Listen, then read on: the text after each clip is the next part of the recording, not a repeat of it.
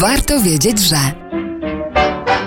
Warto wiedzieć, że armia starożytnego Rzymu posługiwała się końmi i kawalerią, ale strzemion Rzymianie nie znali.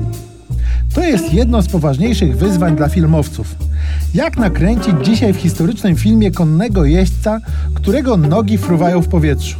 Jak spowodować, żeby aktor potrafił usiedzieć na koniu, skoro nikt dzisiaj tak jeździć się nie uczy? Na ogół filmach udają, że ten problem nie istnieje.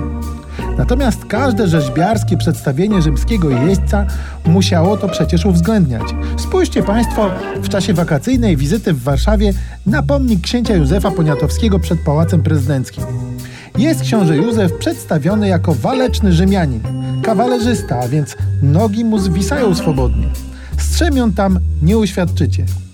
Strzemiona jako części tzw. Tak rzędu końskiego wspomagające utrzymanie jeźdźca na koniu wymyślono gdzieś w początkach IV wieku daleko od Europy, bo w okolicach Półwyspu Koreańskiego.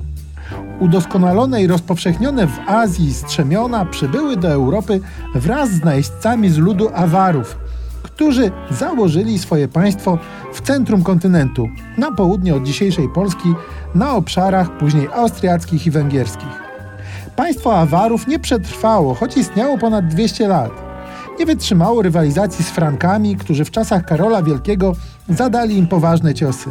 Od Awarów strzemiona przejęli Frankowie, a nową technikę walki konnej z ich wykorzystaniem rozpowszechnili wikingowie, którzy podbili Normandię i wtopili się we francuskich tubylców. Około wieku XI już cała Europa jeździła w strzemionach. Książę Józef 800 lat później także ale na pomniku strzemion nie dostał. No cóż, jeśli jeździec rzymski, to strzemion być nie mogło.